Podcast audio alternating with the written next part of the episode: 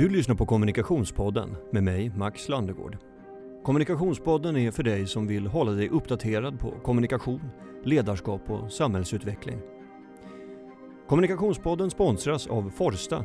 Forsta hjälper styrelser med risk och sårbarhetsanalyser. På forsta.se kan du läsa mer om på vilket sätt de kan få ledningar att utvecklas i sin styrning.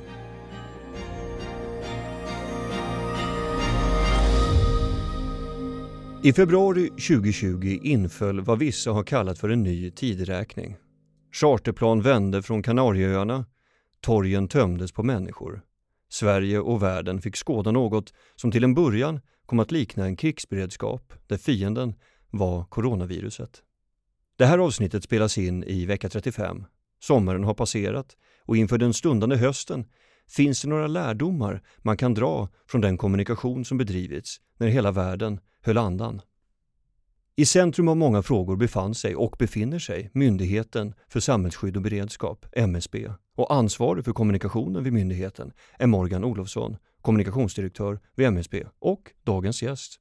Välkommen till säsongspremiären av Kommunikationspodden Morgan Olofsson. Stort tack, hedrande. Eh, du tillträdde i början av 2019. Mm. Hur har fe du... Februari 2019, så ja. ett, ett år hann gå ungefär. Precis. Hur, eh, hur har, nu har du ju hunnit gå ett tag här, hur har dina första 18 månader varit? Jo, men jag skulle nog säga att de har varit omtumlande. Jag, eh, jag är gammal journalist och folk brukar fråga mig vad, jag, vad, vad, är du? Och då brukar jag svara demokrat. Och, och utifrån det perspektivet så har vi ju vi skulle ha övat det här året egentligen, hela Sverige. Totalförsvarsövning 2020, den första på 30 år drygt. Och så händer det på riktigt. Du kallar det för en fiende. Ja, det är lite annorlunda, men, men det, det, det är ju en utmaning för hela den svenska krisberedskapen egentligen. Och eh, vi höll på att bygga den förmågan. Eh, både MSB och hela systemet men också faktiskt när jag tillträdde så blev det en kommunikationsavdelning på, på MSB den 1 februari 2019. Från att ha varit en enhet under verksamhet och stöd, liksom ett mer administrativt perspektiv på kommunikation. Man ska göra en broschyr i slutändan när verksamheten är klar. Till att se kommunikation som någonting som är en kärnverksamhet och som ska påverka andra verksamheter. Inte minst eh, i ett sånt här ögonblick som en kris. Så det var att, att bygga någonting egentligen för, i teorin för framtiden. Det fick gå ganska skyndsamt och göras eh, samtidigt som vi skulle hantera pandemin. När du tillträdde, fanns den planen klar och du sattes med uppdraget att utforma den nya verksamheten eller kom det som ett önskemål från dig? Men jag skulle säga att jag, jag gillar ju när man styr med tillit. Vi jobbar mycket med det. Så att vi har ett, jag hade ett syfte, ett varför att, att just göra det. Bygga, bygga en kommunikationsavdelning som, som inte bara blir bättre på sin smala sakkunskap. Att göra en bra podd eller en, mm. en bra webbsida utan också bidra i, i det övergripande strategiska arbetet. Kommunikation kommer ju från latinets communicare, att göra gemensamt. Och det är ju egentligen det som är den svenska modellen. Hur gör vi det här gemensamt? Hur hanterar vi organisation, myndigheter, företag och enskilda individer en kris? Eh, och där är ju kommunikation helt avgörande och då, är det, då räcker det inte med en broschyr. Även om till exempel broschyren eh, om krisen eller kriget kommer är jätteviktig så måste man tänka mycket, mycket bredare kommunikation. Och det var uppdraget. Men det fanns ingen färdig plan utan det är ju någonting som jag och mina medarbetare i sam, eh, samverkan med övriga myndigheten myndigheter men också andra eh, höll på att jobba med. Och egentligen så satte vi den organisationen igen, det, som den ser ut nu så, så det tillkom en enhet sedan starten och den tillkom den första april. Mitt liksom i, i allting. Så, att, så vi hade liksom ett, ett internt och, och, ett väldigt externt arbete att bedriva samtidigt. Jag kommer vilja fråga dig om hur du har byggt upp ditt team omkring dig. Men först så vill jag bara stanna upp vid den här frågan kring verksamhetens eh, syn och förväntningar på just kommunikation.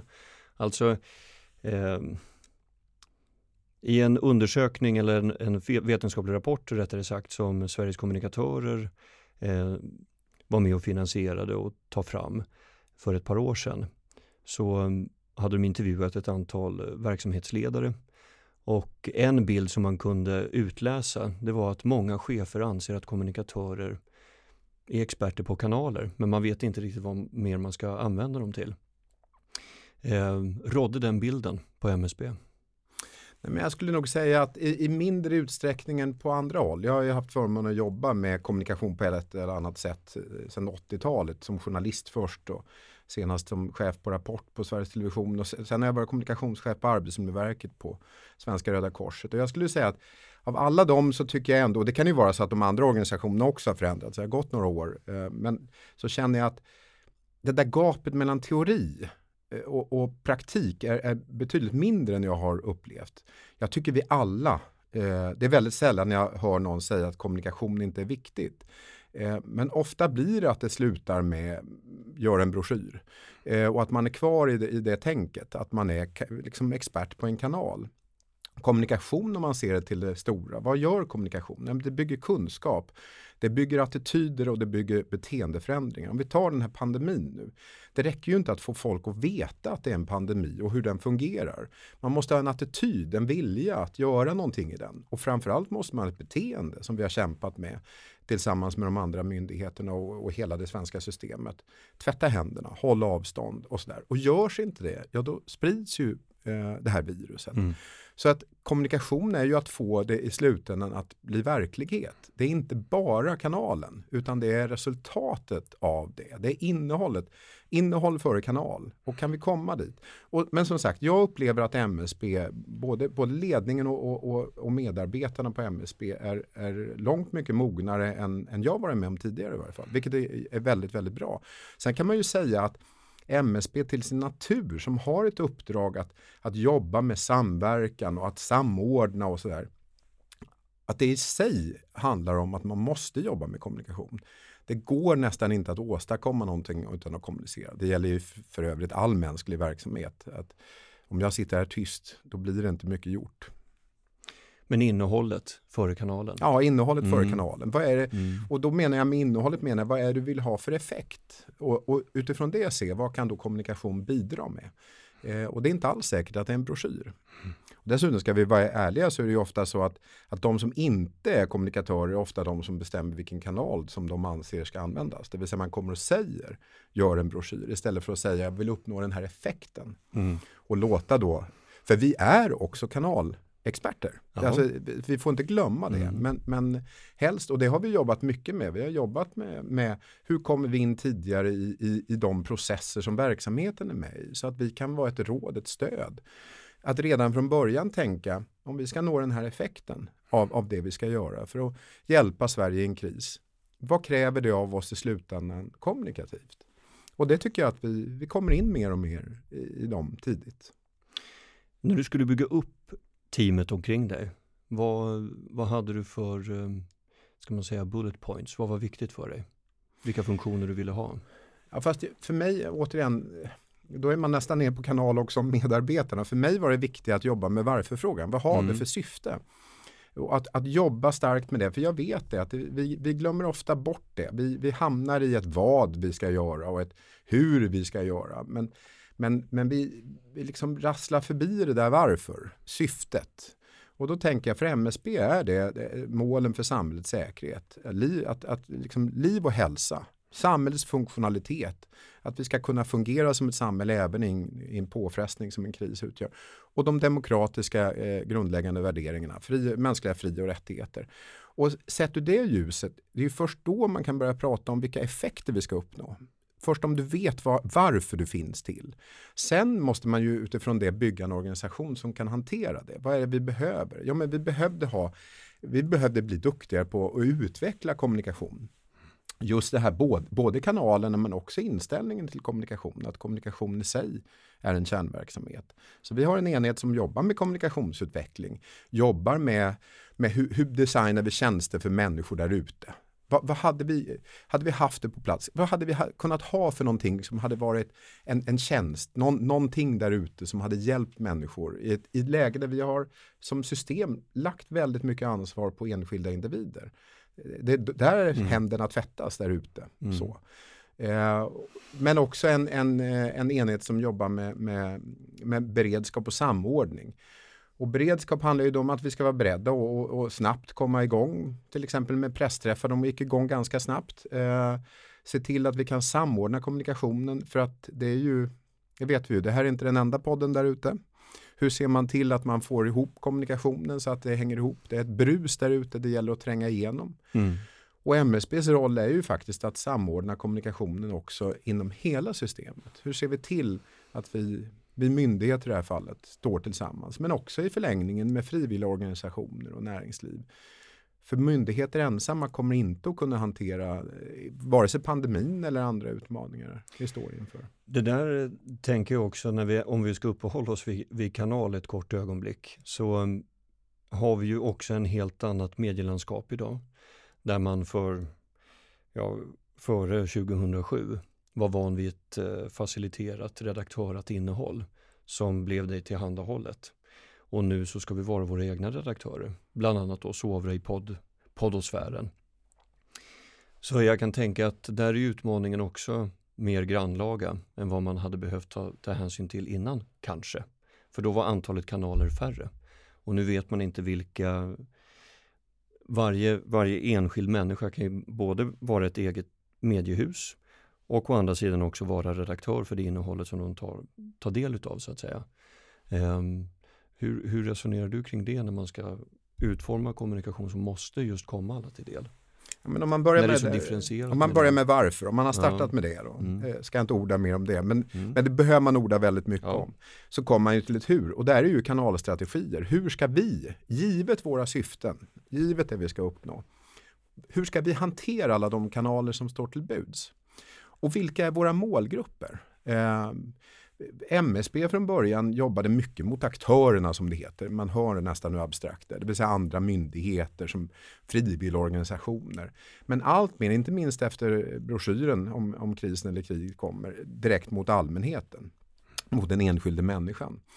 Men det är inte riktigt definierat när är vi det ena och när är vi det andra. För det är inte så att vi har lagt aktören åt sidan. Det har varit helt avgörande. Vi kommunicerar ju hela tiden. Varje vecka nu har vi ju har med, eh, i princip, ja inte varje vecka har GD det, men GD har min generaldirektör Dan Eliasson har samverkansmöte med de andra myndighetscheferna där ute i systemet en timme en, en, en torsdag morgon ofta där man, man går igenom och berättar och, och, och delger varandra. Det är också en form av kommunikation.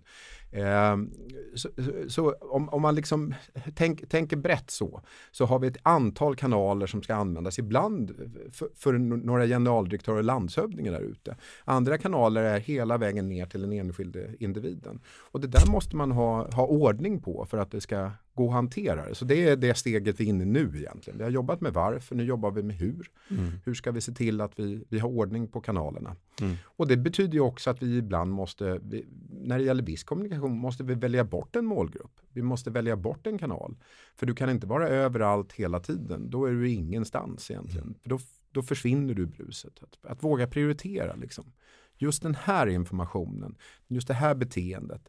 Var vill vi att det ska förändras och hur når vi dem? Jag vet att många lyssnare tycker om att eh, få reda på hur konstellationer ser ut på andra kommunikationsavdelningar. Hur ser MSBs kommunikationsavdelning ut?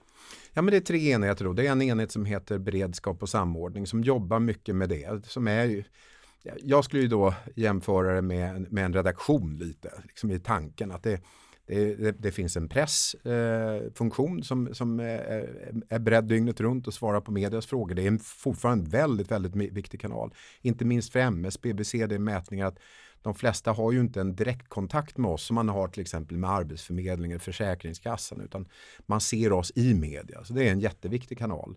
Så vi försöker verkligen vara liksom eh, tjänstvilliga och hjälpa journalisterna att hitta rätt.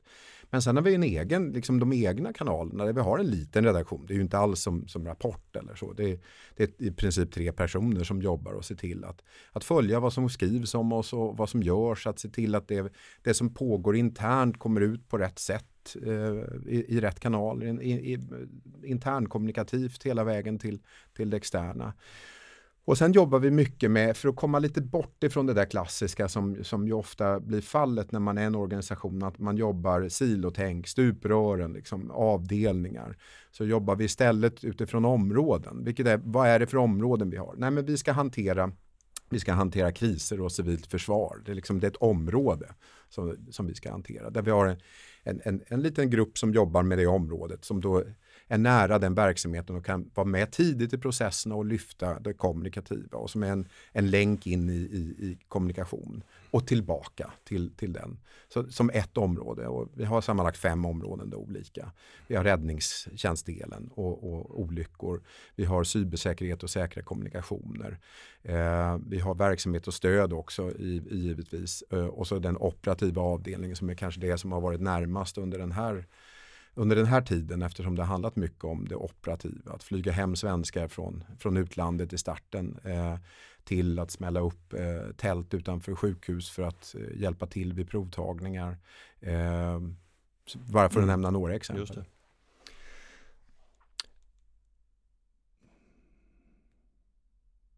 Hur upplever du att kommunikationen har varit från MSB under våren 2020?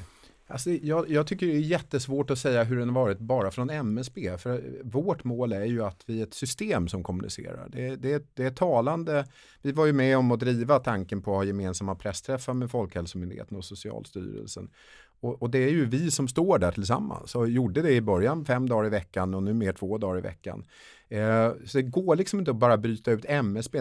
MSB har ju både, ska vi säga, för att göra det här krångligt, både en roll att samordna systemets kommunikation. Sen har vi en egen roll eh, i, i, det. Så att vi, vi har liksom två roller. Eh, och det är svårt att särskilja dem helt eh, från varandra. Jag, jag tycker ju, om man tittar liksom, om man då ska utgå från effekten. Och effekten, vad ville vi uppnå? Jo, men vi ville uppnå att folk tvättar händerna, att folk håller avstånd. Och när vi tittar i undersökningar från Kantar Sifo som vi har varje vecka som vi redogör för så, så visar det ju att 8 av 10 säger att de den här veckan, likväl som förra veckan, följer rekommendationerna. Och, och, det är ett ganska bra mått. Vi har gjort en stor informationssatsning, fick ett regeringsuppdrag för det. Eh, vi har nått ut, det är åtta, drygt 8 av 10 som tycker att informationen har varit bra de har sett den, de har tagit till sig den. Det har varit en jättestor information. Det är få liksom, myndighetskampanjer som har varit så stora som, som den här. Eh, och den behövdes för att, för att nå ut. Så ser vi det så som system så tycker jag nog vi, vi har klarat det bra. Jag, jag hade någonstans önskat och önskar fortfarande och det är väl en av lärdomarna att, att vi skulle kunna vara ännu bättre på att samordna. Och det, jag tycker, och det har varit viktigt, smittskyddsperspektivet har varit nästan alena rådande. Och jag önskar att vi kanske hade och, och, det är inte för sent. Jag tror att den här hösten är, gör det lite annorlunda. Det var ett akut läge i våras. Jag önskar att vi under den här hösten drar lärdom av att människor behöver ha ett underlag för beslut, inte bara kring själva smittfrågan. Jag skulle nog hävda att är det här bara en pandemi eller är det en stor samhällsutmaning? Det vill säga är det bredare än så? Jag skulle nog svara att det är bredare än så. Det handlar om arbetslöshet. Tittar vi på, på vad folk oroar sig för, återigen Kantar och siffror, så är det bara en fjärdedel idag jämfört med hälften av svenskarna i, i våras som är oroliga för att själv smittas. Så argumentet tvätta händerna för att inte bli sjuk är kanske inte riktigt eh, så, så bra som det var i våras. Däremot är det fortfarande 8 av 10 som är oroliga för Sveriges ekonomi, för välfärden, hur den ska orka med det här och för det egna jobbet. Och då blir det ju både utifrån ett pandemiperspektiv men också att tänka utifrån det uppdrag vi har eh, att ge människor beslutsunderlag. Viktigt att lyfta de andra perspektiven och det skulle jag ju säga är den viktigaste eh, eh, frågan inför hösten. Hur, hur, för det här kommer ju hålla på som det ser ut nu. Eh, det är inte jag som är smittskyddsexperten för det är en expertmyndighet men det låter som året ut, kanske ett år till. Alltså, och då blir det en massa konsekvenser eh, där, där, vi måste hjälpa människor att fatta rätt beslut i vardagen. Och då pratar jag brett, det är inte MSB som ensamt ska göra det här utan det är vi som samhälle. Det är också en roll för journalistiken att titta, titta ut över, över alla de liksom bitar i, i samhället som påverkas. Konsekvenserna av smittan, de indirekta. Vad var det med samordningen som inte funkar? Nej men det har nog fungerat men, men jag tänker att vi, vi skulle ha kunnat bli ännu bättre. Ja, vi, har ju, vi har ju haft med andra myndigheter. Vi hade ganska tidigt med Arbetsförmedlingen till exempel på pressträffarna när, när arbetslösheten stack iväg. Vi har haft med nu senast den gångna veckorna har vi haft Skolverket inför skolstarten och kollektivtrafiken. Men jag, jag tänker att vi hade jag tänker lite nu efter min gamla eh, värld på SVT. Jag tänker vi har varit duktiga på rapportsändningen, den korta nyhetssändningen. För det är det pressträffarna är. Men hur har vi som system varit mer i, om vi tänker en aktuellt sändning, den, den långa intervjun eller agenda, liksom, den fullmatade halvtimmes för att genomlysa.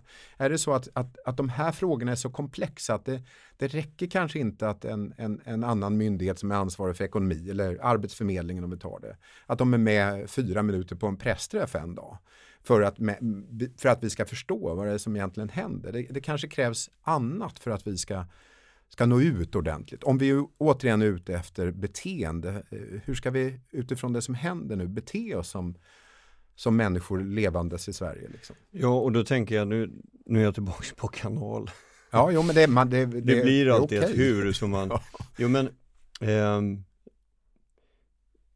det, jag, det jag hör dig säga nu, eh, min tolkning, det är ju att människor var oroliga för en sak under våren, de är oroliga för en annan sak idag. Ehm, det som har varit signifikant för att kunna följa era pressträffar ehm, har ju varit statistiken mm. för många. Hur ser det ut? Hur, hur ser spridningen ut? Behöver vi vara ännu mer oroliga? Vad, vad ska vi förbereda oss på? Um, när det sen kommer till lite mer komplexa frågor som, som landar i välfärdsfrågor, vad ska Trygghetsrådet. Alltså, alltså jag, jag, jag, tänker bara att finns det andra man kommer behöva samarbeta ja, men jag med tror istället? det. Och jag, och jag tror så här, ja, men jag önskar ju alltid, någonstans, jag återkommer till det jag började med att säga att jag är demokrat. Någonstans, jag, jag ser en utmaning i, i, i en tid med, med där demokratin utmanas, om vi som system inte kan hantera de här liksom, påfrestningarna som det här utgör. Och då känner jag ju så här, liksom, nej, jag önskar vi hade varit duktigare på att lyfta de andra perspektiven tidigare. Eh, jag, jag, jag inser ju att, att, ja, jag menar, ja, absolut. Mm. Jag, jag, jag, tror att många, jag kände själv att när jag kom tillbaka efter, efter en osedvanligt, jag trodde ju aldrig jag skulle få, få en så lugn semester. Det har jag inte haft på många år ska jag säga. Eh, och jag hör från andra håll i systemet, många haft det. Men det gav oss också möjlighet att reflektera. Under våren var det ett sånt akut läge att vi gick, vi gick lite och tittade på våra stortår liksom, mm. istället för att titta mot horisonten. Och, och, och, då tänker jag så här, rent operativt, ja, vi, vi, några måste titta på stortårna liksom, mm. eh, i, i det där akuta läget. Men jag, jag önskar för egen, eget vidkommande att, att jag hade tittat mer mot horisonten. Och ska jag vara ärlig om jag tittar ut över hur, hur Sverige och hur, hur, världen har hanterat det så känns det som att väldigt få har tittat ut över, över horisonten. Mm. Eh, jag kommer ihåg ganska tidigt eh, så, så kändes det ju hela tiden som att det här skulle gå över på ett par tre månader. Liksom. Det värsta skulle vara över. Eh, mm. Jag tror många tänkte det. Många av de som stängde ner sina samhällen tänkte att vi, vi stänger ner en månad eller två och sen så kan vi öppna upp. Och, och, nu visar det sig att det har ju varit svårt att hantera. Nu vill inte jag in i, i diskussionen om den svenska strategin kontra utlandet för det handlar ju om egentligen smittskyddet. Men, men jag tänker på hur, hur, vi tänkte kortsiktigt eh, som en värld på, på det här. Att mm. det här är någonting vi ska hantera och sen är det över och sen går vi vidare. Mm. Och just nu ser det ut som det här är någonting som kommer att leva kvar hos oss på ett mindre sätt verkar det som givet att, att, att dödstalen minskar även om smittan här och där ökar. Så vi kommer alltså se, det vi ser idag på många håll i det offentliga rummet är ju A4-printarna från 1177 om att hålla en och en halv meter avstånd. Kommer vi då om ett par månader se skyltar från Arbetsförmedlingen som påminner oss om att söka ett och ett halvt jobb per dag? Ja, jag vet inte. Jag, jag brukar skämta nu så här internt att det kanske är liksom eh, tvätta händerna för att inte bli smittad eh, måste ersättas med tvätta händerna för att din kompis ska ha en praktikplats efter utbildningen. Eller, eller tvätta händerna för att din kompis ska kunna få vara fysiskt på universitetet och inte hamna i distansundervisning igen. Och så vidare. Därför att, jag menar, och, och med all respekt, det är nästan 6 000 människor som har dött. Och all respekt också för de få, men de som faktiskt dör också idag. Men jag tror inte jag tror inte de kommer att, alltså de hemska siffrorna som du sa, som vi följde som, en, som någon slags daglig notering, mm. att de får oss kanske i, i, i, hela vägen att tvätta händerna. Smittan är inte lika eh, liksom, på oss, på skinnet och känns som att det här är farligt. Men hela, men hela samhället, om vi tänker de där tre, samhällets målen för samhällssäkerhet, liv och hälsa. Ja, det är fortfarande folk som dör, det får vi inte glömma bort. Och många blir sjuka och långvarigt sjuka, det får vi inte heller glömma bort. Men det här handlar ju också om samhällets funktionalitet. Hur ska ett samhälle kunna fungera om inte folk kan åka till jobbet? Det ställer ju andra krav. Det är ju som min gamla eh, myndighet som jag jobbade på, Arbetsmiljöverket. Hur ska vi ha en dräglig arbetsmiljö på hemmaplan då? Är ju sådana frågor. De är inte lika akuta. Men de kan leda till enorma problem i framtiden vad det gäller eh, nackar som har, man har ont och axlar och, och så. Där vi kan få en oöverskådlig liksom, eh, problematik framöver med hur folk har det och mm. att, att det blir sjukskrivningar. Det är ju sådana sekundära liksom, konsekvenser som man måste ta in i det mm. ögonblicket. Och det är ju inte det lättaste och då kommer man tillbaka till det där Ja men det är otroligt, allra lättast att kommunicera det är ju ett totalitärt samhälle där man förbjuder saker. Det, det krävs ju bara en rad. Liksom. I, ett, I, en demokrati där, där man ska presentera för människor hur det ser ut för att människor själva ska fatta förnuftiga beslut så kräver ju det otroligt mycket mer kommunikation. Det räcker ju inte längre med en mening och, och en brutal polis som slår ner allt motstånd. Utan det kräver ju en kommunikation med delaktighet och dialog. Och det skulle jag vilja säga om, om vi är kvar på det här med lärdomar. Precis som vi, vi pratar om kommunikation, att det finns en, en tilltro till kommunikation i teorin men att det ofta är svårt i praktiken, att det blir lätt den där broschyren. Så är ju samma utmaning som jag tror vi står inför när det gäller dialog. Vi pratar alla om det. Men hur mycket dialog har vi? Jag ser ju framför mig att i ett samhälle som vårt där vi ger så mycket ansvar till enskilda människor så måste de få vara med i dialog kring vad är det som händer. Och där är ju utmaningen med våra kanaler. För vi må ha väldigt bra kanaler eh, och bättre kanske än, än vi hade tidigare. Men har vi den där riktiga dialogen? Vad händer i en tid när, när det är liksom hatstormar och troll som, som regerar över de sociala medierna. Den där drömmen vi hade i starten om det där demokratiska som skulle vara i de här sociala medierna. Där är vi ju inte längre. Är, är de här kanalerna tillräckliga för, för den dialog vi är ute efter? Och när vi ropar, hur många är det som hör oss och svarar på tilltalet? Och är det rätt personer? Kan vi bara liksom ligga där i, på Facebook och lägga ut inlägg på inlägg och, och känna att vi har gjort vårt? Jag tror inte det. Jag tror vi måste jobba som, som samhälle. Ett demokratiskt samhälle måste jobba mycket mer med hur man skapar liksom en känsla, och inte bara en känsla utan ett faktiskt förhållande. Att medborgarna, människorna som bor i det här landet är med i, i processer. Det gäller både i krisen men, men också i annat. Nu kom du in på, på det som leder mig vidare till nästa fråga. Eh, våren har ju bjudit på ganska ingående diskussioner om desinformation. Inte bara i Sverige utan också på många andra delar i Europa inte minst. Alltså, hur, hur har ni arbetat med den frågan? Ja, men den har ju varit jätteviktig. Vi har ju, vi, vi har ju ett, ett uppdrag eh, kring det där. Så, så vi, vi, vi, tittar ju på det hela tiden och ser vad är det som händer. Vi hade nu senast eh, bara en enkel sån där att vi hade ju, eh, tog ju fram siffror hur många det är som kan tänka sig att vaccinera sig. Där, där siffrorna sa att sju av tio säkert eller ganska säkert tänker vaccinera sig. Och, och det blev ju misstolkat. Det lades ut att tre av tio tänker inte vaccineras när det i själva verket bara var någon enstaka procent. Eh, de, de där 30 procenten, en stor del av dem var osäkra, det vill säga kanske gick att nå med kommunikation då till exempel mm. och övertyga om, om vikten av vaccination. Så det var ju, det var ju ett sätt och det, det ska vi ha klart för oss att just det här med vaccination tror jag kanske, om vi blickar framåt lite, jag ska komma tillbaka till till, till vad vi har lärt oss om det där. Men, men det ska vi veta att en stor del av dem, om, om vi tar eh, trollen och sådär som började jobba i, i samband med, med det amerikanska valet. Så mycket av det började ju egentligen i, i, i antivaxrörelsen. Så vaccination här gör ju att just den här frågan kommer att bli absolut högaktuell. Ja, jag ser det ju, och är redan, ju redan nu. nu. Ja, absolut. jag ser det redan nu. Alltså, Jag kan bara gå till mig själv och titta på mitt Facebookflöde, ingen nämnd, ingen glömd, så finns det ju de som mm. ifrågasätter huruvida man ska vaccinera sig eller inte. Ja. Och det, det är liksom, där, där började, sägs det, om man tittar på de utredningar som har gjorts, där började en stor del av, av det som tros ha varit eh, en riskpåverkan på. Man började med de som redan är skeptiska mot någonting. Och det är en klassiker, du har det där bakåt hela vägen till liksom poliovaccinationerna i USA på 50-talet och sådär. Det, det finns, du har det till och med längre tillbaka än så. Att antivaccination har varit en, en del i i, i liksom att bygga konspirationsteorier och, och, och, att du har en mottaglighet där kring, kring annat. Eh, så den är jätteviktig. Ja, för, för jag menar, Sverige befinner sig ju väl nu i ett väldigt sårbart läge. Och det är ju exponerat också för andra krafter som kan vilja påverka politiska beslut och inte minst kanske människors attityder gentemot eh, institutioner och andra politiker. Hur jobbar ni med den frågan?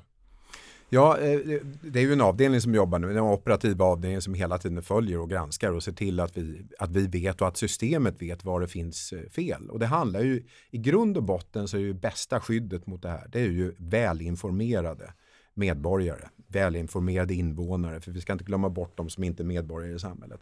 Att folk vet vad det är som gäller. Så en, en, en viktig sak, jag skulle säga till exempel pressträffarna är en sån. Att ha dagliga, eller nu varann, två dagar i veckan, och berätta vad är det faktiskt som händer. Att försöka få ut sin information, den korrekta informationen som en motbild. Den är ju inte alltid lätt, men det är det, det, är det viktigaste sättet att, att möta detta på. Och det handlar ju om att utbilda eh, resten av systemet i hur man hanterar det också, så att vi inte sitter där och låter andra ta över de kanaler som finns där ute.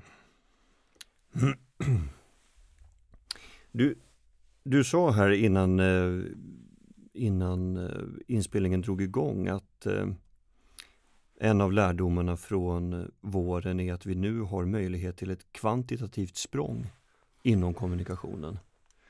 Vill du utveckla det Ja, lite? men det var ju det vi var inne lite på. Alltså jag, mm. jag har stått på någon pressträff och sagt eh, att, att eh, brist på vaccination så har vi bara kommunikation. Och då menar jag som, som förebyggande, alltså att vi, att vi pratar med människor, berättar hur det är och vad man ska göra för att vi ska undvika smittspridningen. Sen har, har ju sjukvården och många andra människor gjort ett, ett formidabelt arbete med att hantera de som faktiskt har blivit smittade sen.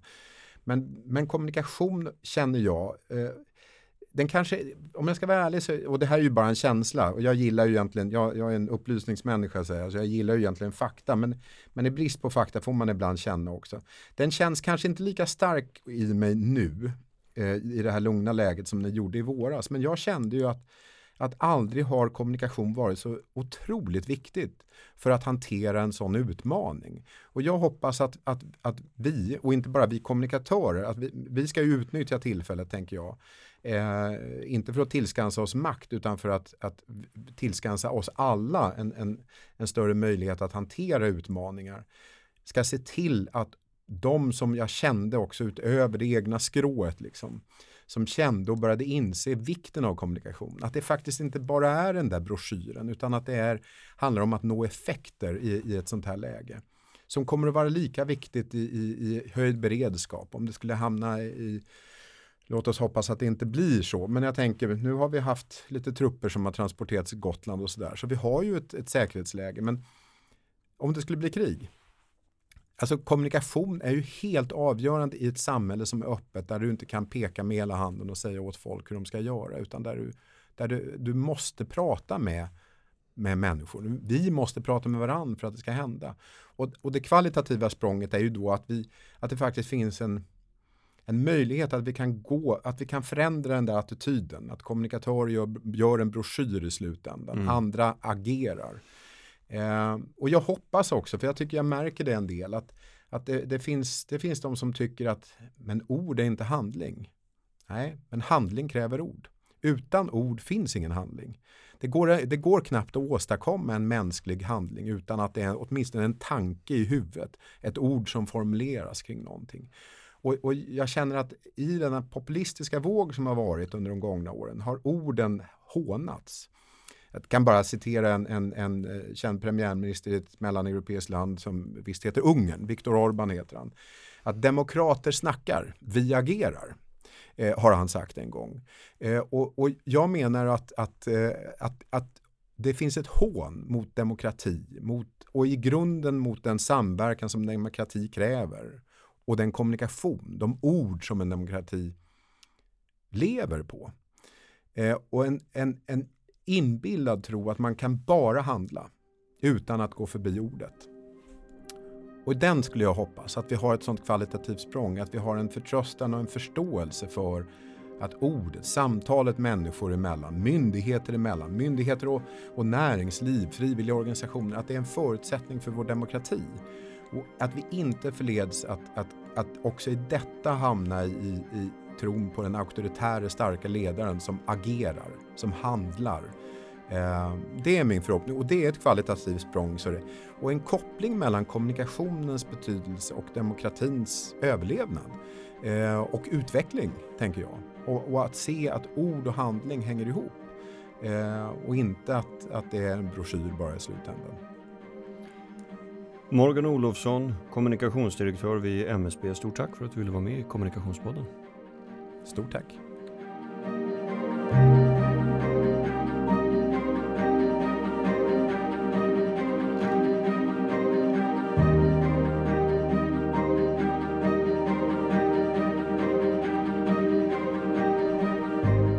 Kommunikationspodden produceras av Storstad i samarbete med Resumé.